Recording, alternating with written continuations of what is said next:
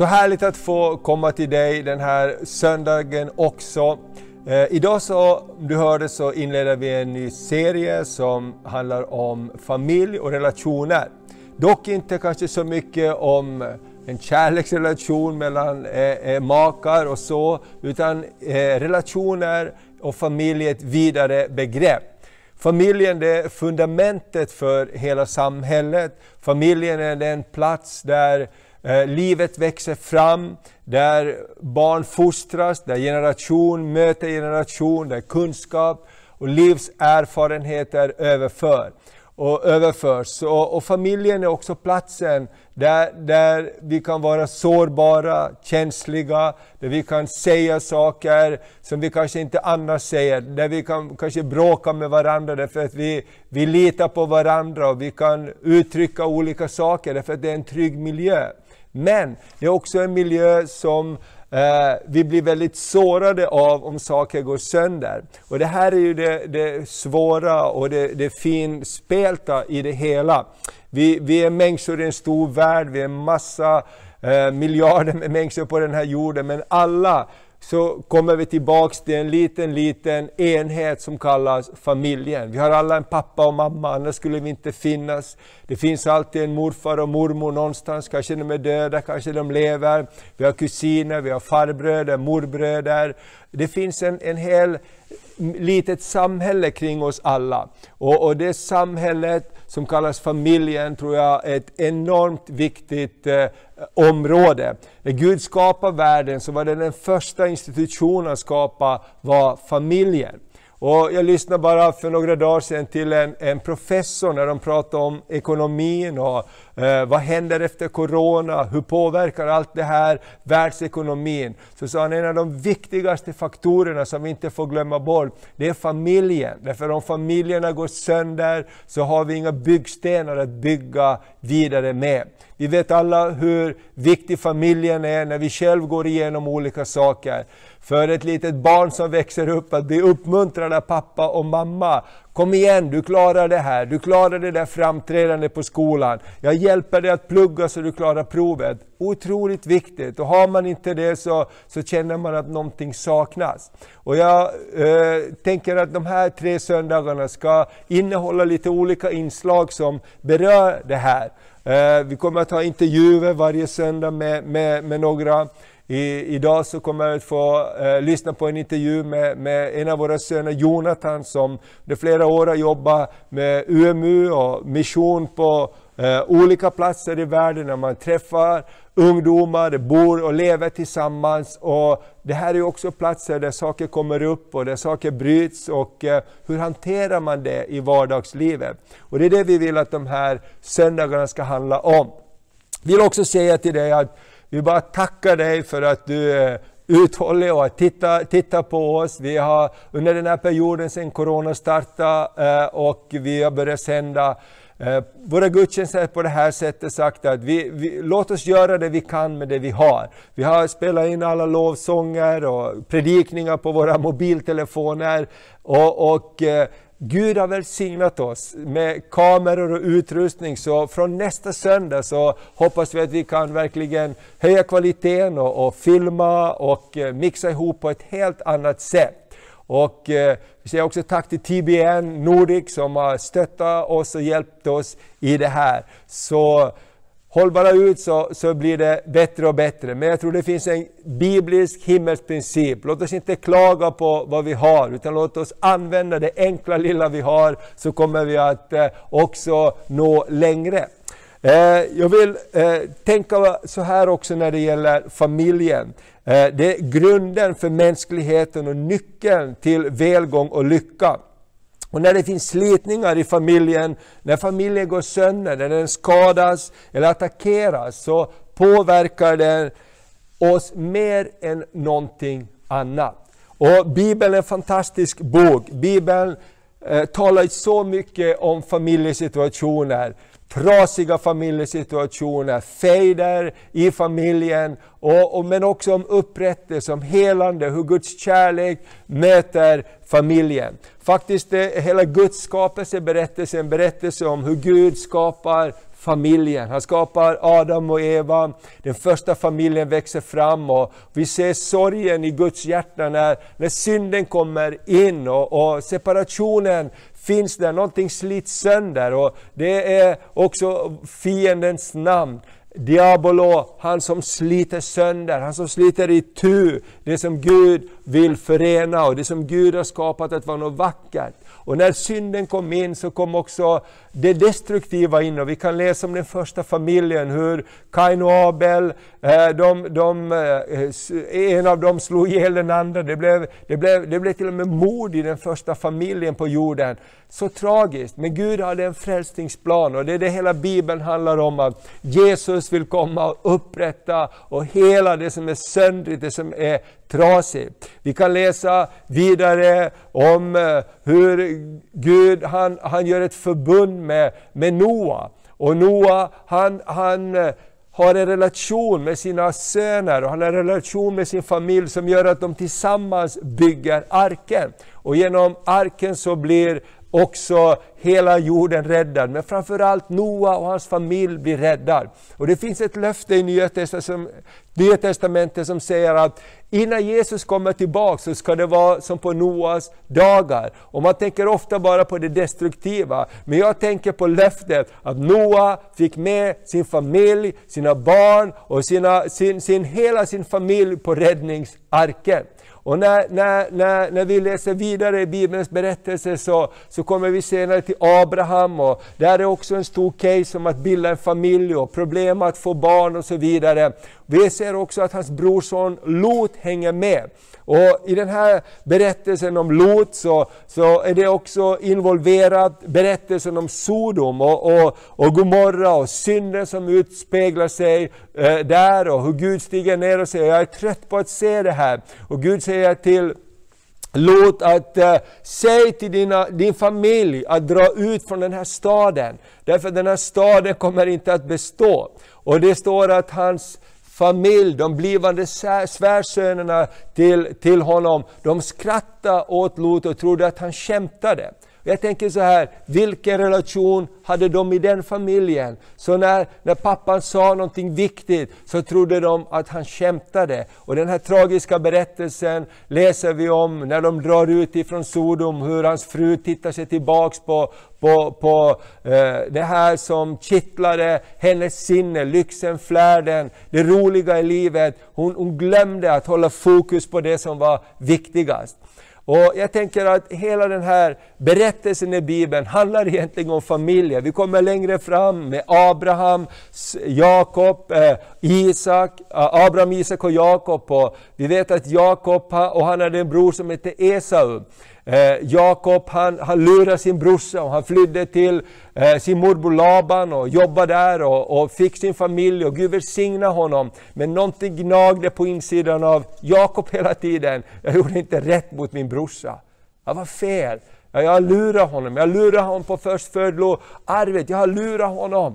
Och jag vet att jag kan inte hoppa över det här. Och, och, när tiden gick så kan vi läsa om hur Jakob han, han går tillbaks och, och säger nu kan jag inte stanna här, jag måste möta min bror igen.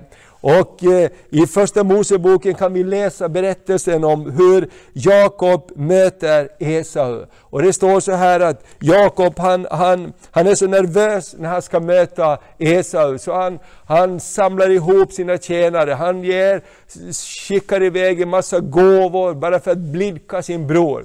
Och när dagen kommer att han ska möta sin bror, och han vet att det här är inte bra, det här är inte rätt det, vi har, det jag har gjort, så står det att, att han stannar kvar och Gud möter honom. Och det här fantastiska berättelsen som vi kan läsa om i Första Moseboken står det att Jakob han dröjer kvar och han brottas med Gud. Och han, han den där stolta, starka Jakob som fixar allt på egen hand visste det här fixar inte jag på egen hand om Gud du inte rör vid mitt liv. Och det står att Gud slog honom på höften och, och sedan den dagen så haltade Jakob.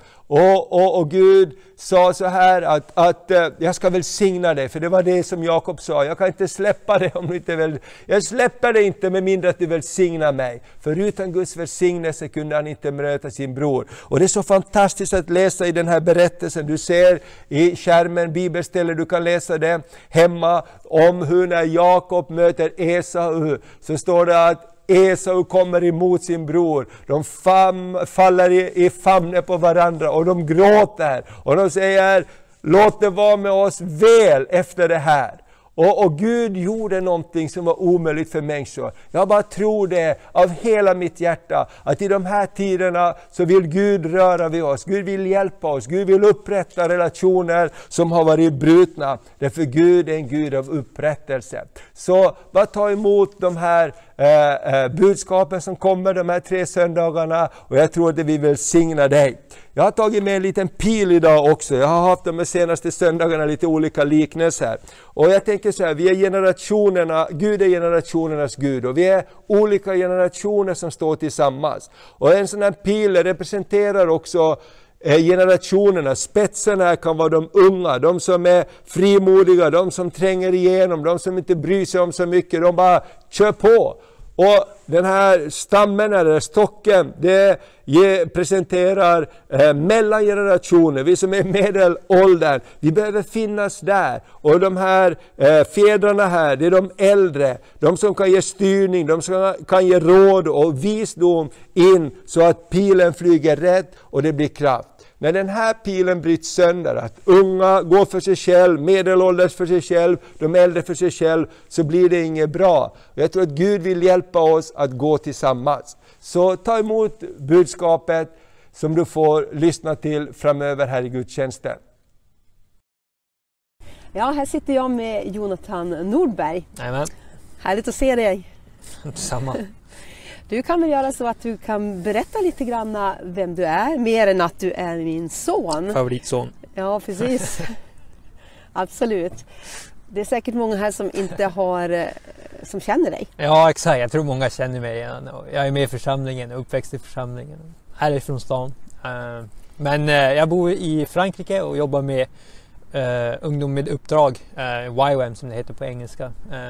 Ja, södra mm. Frankrike och jobbar mycket med Ja, min mission där då. Mm. Uh, Vad var det som fick dig att åka dit? Ja du, det var en lärjungaskola uh, som var inriktad med just surf, uh, surfing och, och snowboard och mm. skate. Mm. Som någonting som är ja, verkligen en passion och ett intresse för mig. Mm. Vilket var otroligt att det fanns något sånt. Ja. Och så ramlade jag in på det så att säga. Precis. Och sen så valde du att stanna kvar där och ja, har, exakt. har jobbat där då. Och nu sista halvåret har du varit ute på team Ja, Både i Afrika och i eh, Mellanöstern. Ja, exakt. Ja. Eh, och nu när vi har den här perioden också i kyrkan just med att vi talar om relationer mm. så eh, tänkte vi att vi skulle fånga dig lite grann här därför att det är ju en speciell period som du har faktiskt spenderat där. Mm. Både att du, du, du, ni har bott tillsammans ja. i bara 10 kvadrat med fyra pers eller ibland Sex pers. Bott på en strand med tält i det sex veckor. Det har du gjort. ja. Precis, och ni har levt och ätit och rest tillsammans. Ja. Hur har det här förändrat dig? Ja, hörru du, det, det är ju det är verkligen förändrat men, men det är också ett väldigt bra sätt. Just det här med att det är så mycket tryck och press på en. Liksom det här med att man är alltid med människor så man får inte alltid den här sin egna tid. Men det är också väldigt, man väldigt liksom man ser vart man verkligen är, vem man verkligen är och vad man har i, i sitt hjärta. Och jag tror ofta sådana saker kommer ut liksom. När trycket kommer, det som kommer ut ur sin mun eller sitt hjärta, det är, ju, det är där man är ju. Men hur kan man hantera en sån sak då? Ja, hör du. Guds nåd. Nej men, eh, ja men så är det ju. Men och sen så, just det här med att man, är, man vill kommunicera och hängivenhet till varandra. Mm. För mig nu, min erfarenhet kanske man ska ta ifrån det är just det här med att vara i team och, ja. och leda team. Och, och, vi har ju varit ett team som har varit åtta stycken som har rest runt. Uh, ja. och, och, man, och det är ju människor som är liksom från 18 till 37 liksom.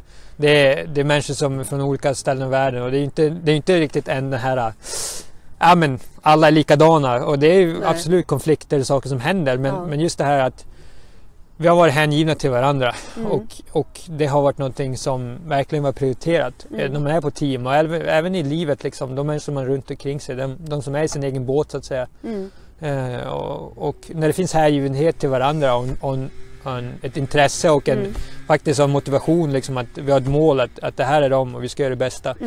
Så kan man komma väldigt långt med det. Mm, och du sa här innan också just att förändring det börjar ju också att man själv vill förändras. Ja men precis och jag tror det där är alltså när, alltså när man är villig och det är ett gäng som är villiga och de som är, mm. är villiga ja, och förändras och, mm. och, faktiskt ja, men vill höra feedback och vill att faktiskt bli en bättre människa och, och närmare Gud och närmare människor så ja, då kan man komma långt. Men för dig, vad, vad är en god relation? Ja, ja men det är som jag sa, liksom, det startar ju absolut med att man är hängiven till varandra. Uh, och man är investerad i varandra. Även om... Uh, Hur menar du då, investera i varandra? Nej, men just det här med att... Jag menar, det finns människor som är, man, man har jätteroligt med och man klickar med nära vänner. Sådana man vill vara med. Men sen mm. är det människor som är väldigt olik. Mm. Och, uh, och det kommer inte så naturligt alltid att, att, just, uh, att man ska bli vänner. Men mm. när det finns en, eh, en hängivenhet och ett intresse och investering i varandra så spelar det inte så stor roll. Mm. Så kan man faktiskt uh, komma långt med det. Och jag har vänner som, ja, jag skulle aldrig varit vän med vanligtvis. Men, men det är de som är i min båt för den här säsongen. Och, ja, vad härligt. Och man faktiskt växer väldigt nära varandra just mm. utav att man är investerad och vill förändra för att nå varandra och, och visa kärlek till varandra. Mm. Och, ja, faktiskt, det är otroligt. Man mm. förändras otroligt och växer. Eh, relationer det är ju någonting som, som växer. Mm. Det, är mm. ju, det är ju ett bygge kan man väl säga. Ja, så kan mm. man ju säga Kan du ge några konkreta tips på hur man kan bygga en bra relation? Finns det några verktyg tycker du som vi kan skicka med de som lyssnar, med, lyssnar här idag?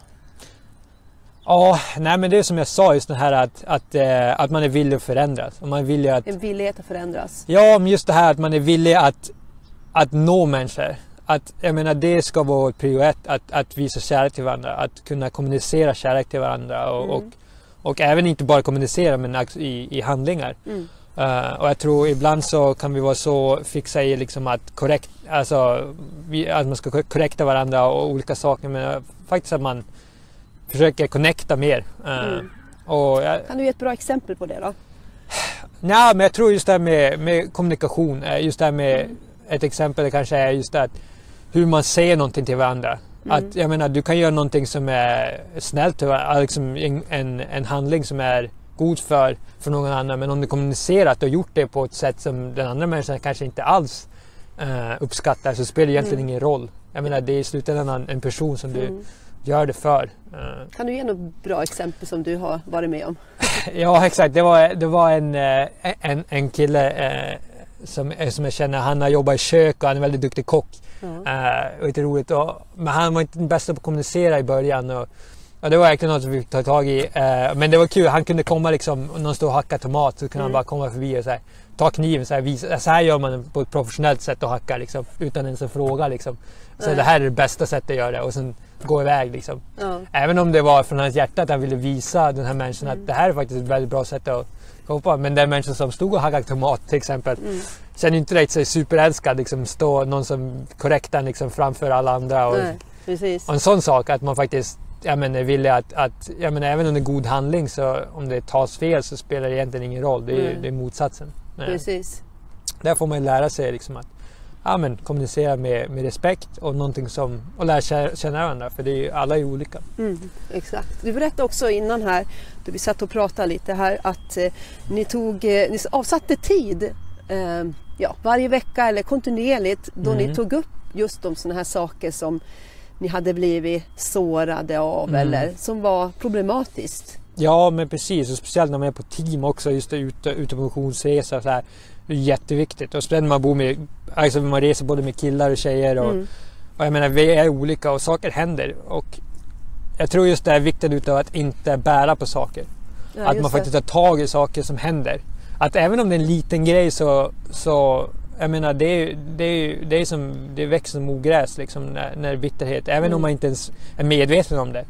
Men just att vi hade en tid där vi satt ner och vi skapade ett, ett utrymme som, som ett lag eller team att man eh, ja, fick kommunicera. Eh, mm.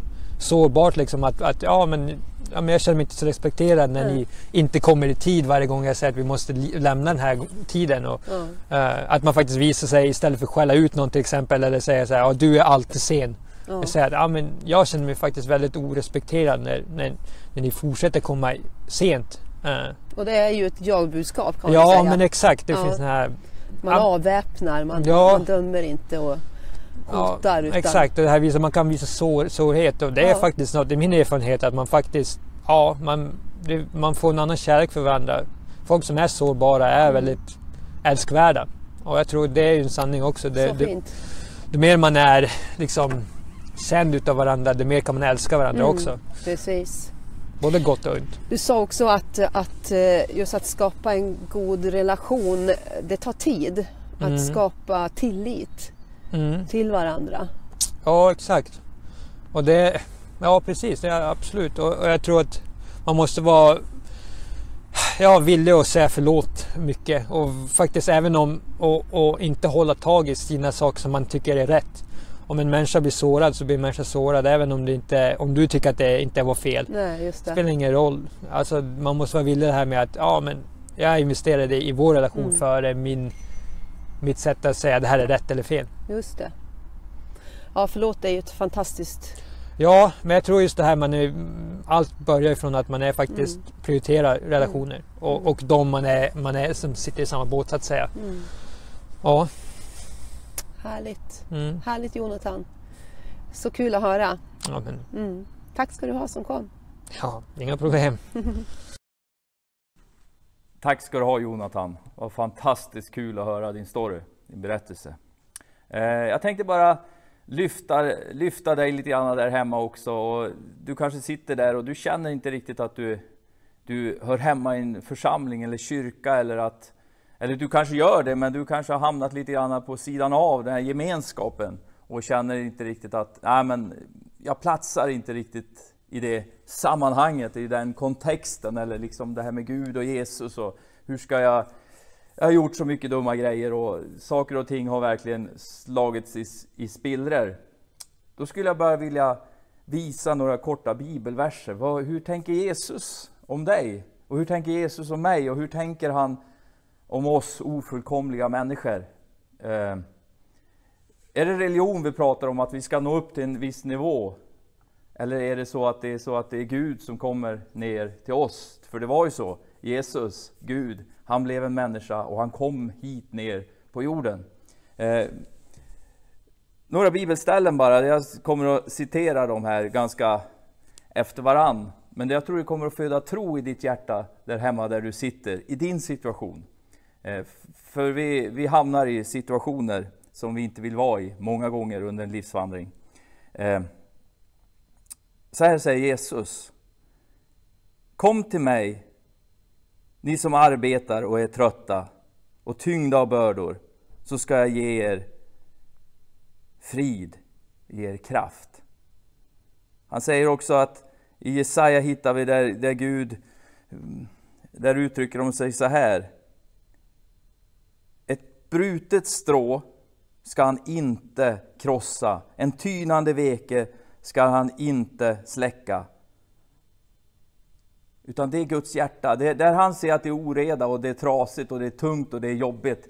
Då, då tänker inte Gud att Nej, det här ska jag släcka ut fullständigt. Det här ljuset ska jag blåsa ut. Det här, det här är någonting som, som inte borde finnas. För det är inte fullkomligt, det är inte perfekt, det är inte helt.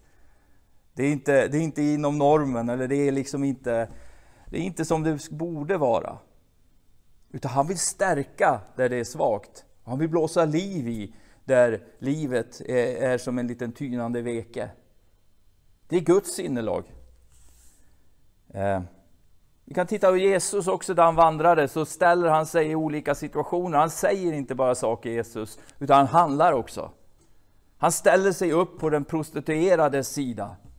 När, när, när folkmassorna när de ska stena henne och döda henne, så ställer sig Jesus där och säger, du som är utan synd, kasta den första stenen. En kvinna som har hamnat i sån nöd så hon tar till det mest, vi vet inte riktigt varför, men hon tar till liksom ett sätt att få in inkomst, att sälja sig själv i prostitution. En sån kvinna backar Jesus upp och säger, du som är utan synd, kasta du den första stenen. Stenarna kastades inte den dagen, de släpptes ner på marken och alla gick därifrån. Och han räddade den kvinnans liv och han säger till den kvinnan, inte heller jag dömer dig. Gå och synda härefter inte mer. Ett annat tillfälle är när Jesus är på väg till en stad och det blir mycket uppståndelse där Jesus går och det är en tullindrivare som har utnyttjat sin position i samhället att kunna lura folk och ta för mycket betalt och, och, och, och så. Men han var väldigt nyfiken på Jesus, den här mannen. Så, och kort var han också, så han såg inte riktigt Jesus. Så han hade klättrat upp i ett träd och det är helt liksom, vad ska jag säga, den här lurendrejaren, den här, den här hycklaren, han som har stulit från andra.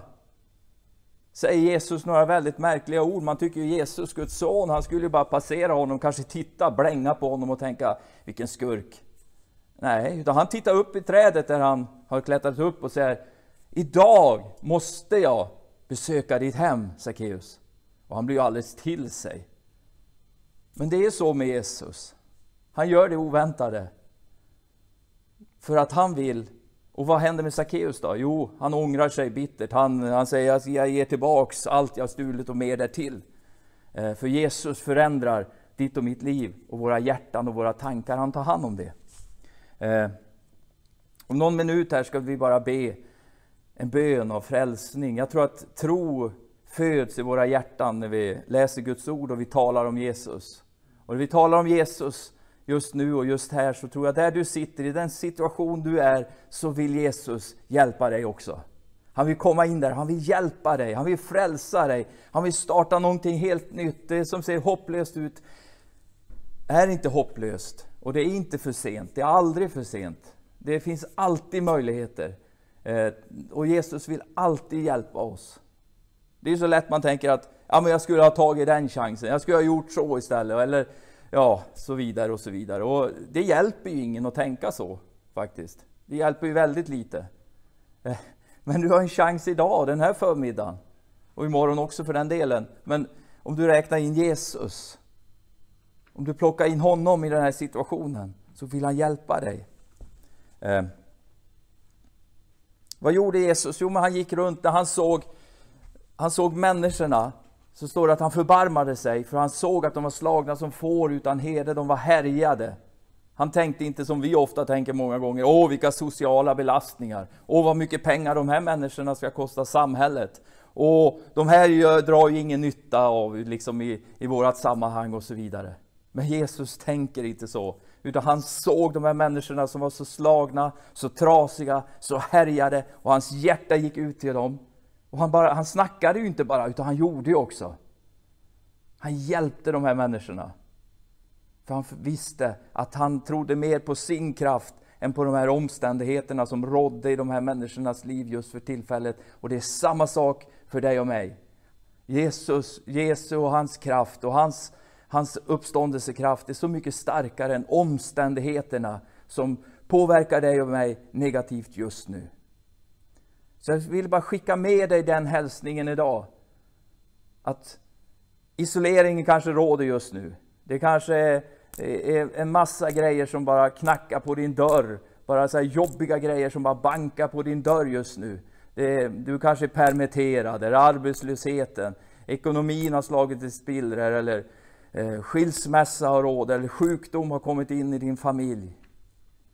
Ensamheten bara pressar på och står och knackar på din dörr. Och vet du vad, det finns en annan också som knackar på din dörr och det är Jesus. Han knackar på ditt hjärtas dörr och han vill komma in han också.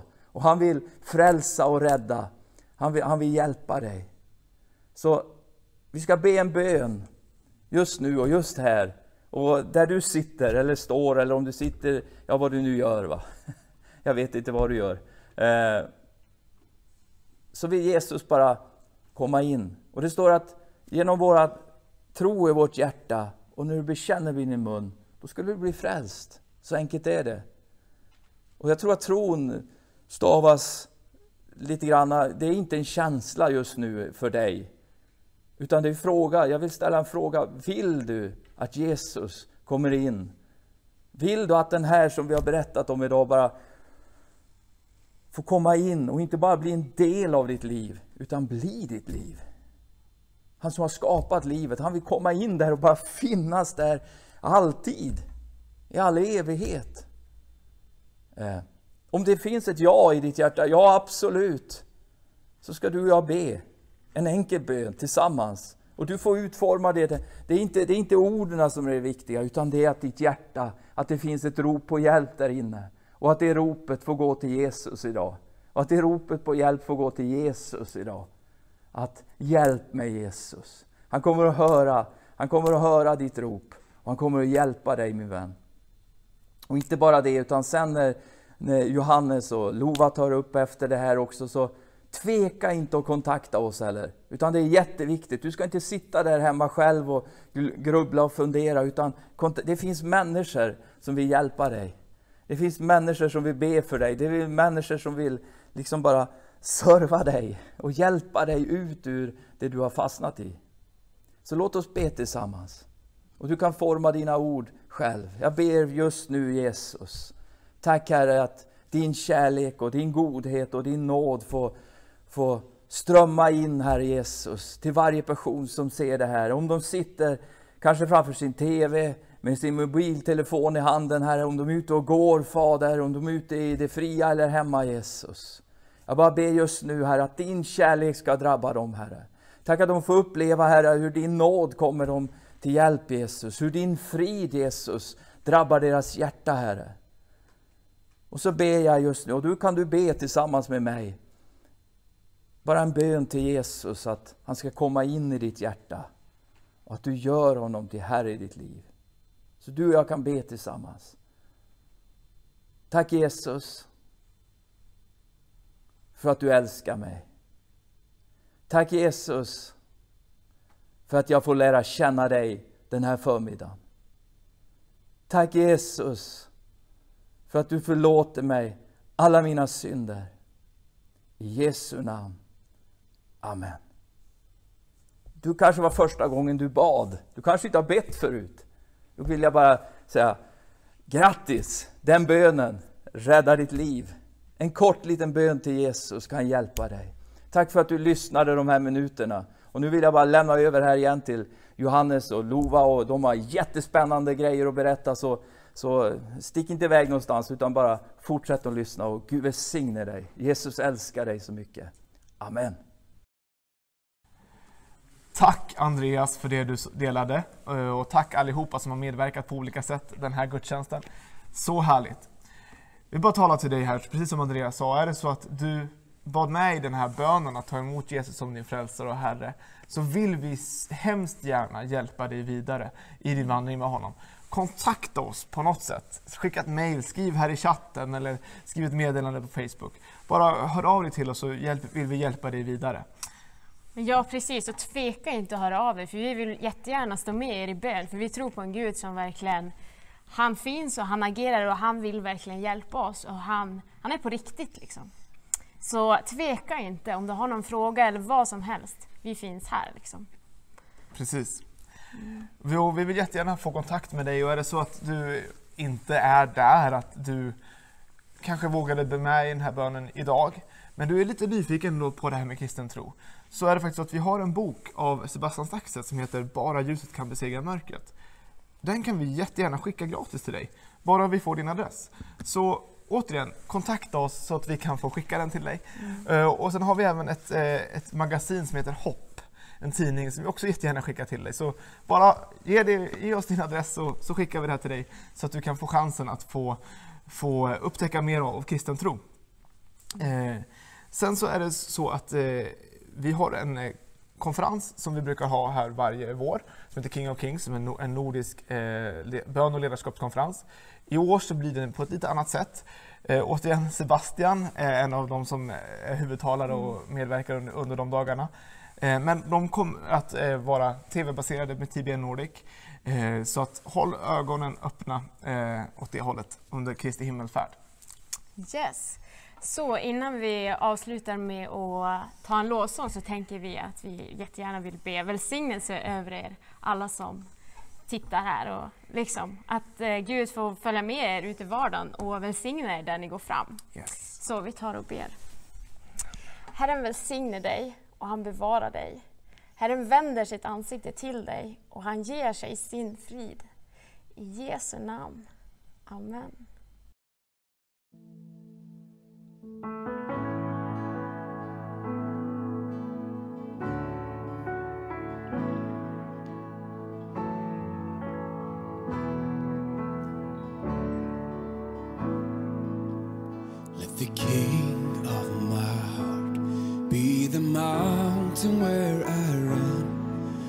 Fountain I drink from. Oh, he is my son.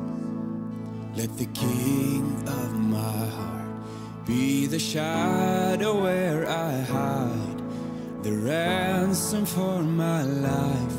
Oh, he is my son. Yes, you are good you're good.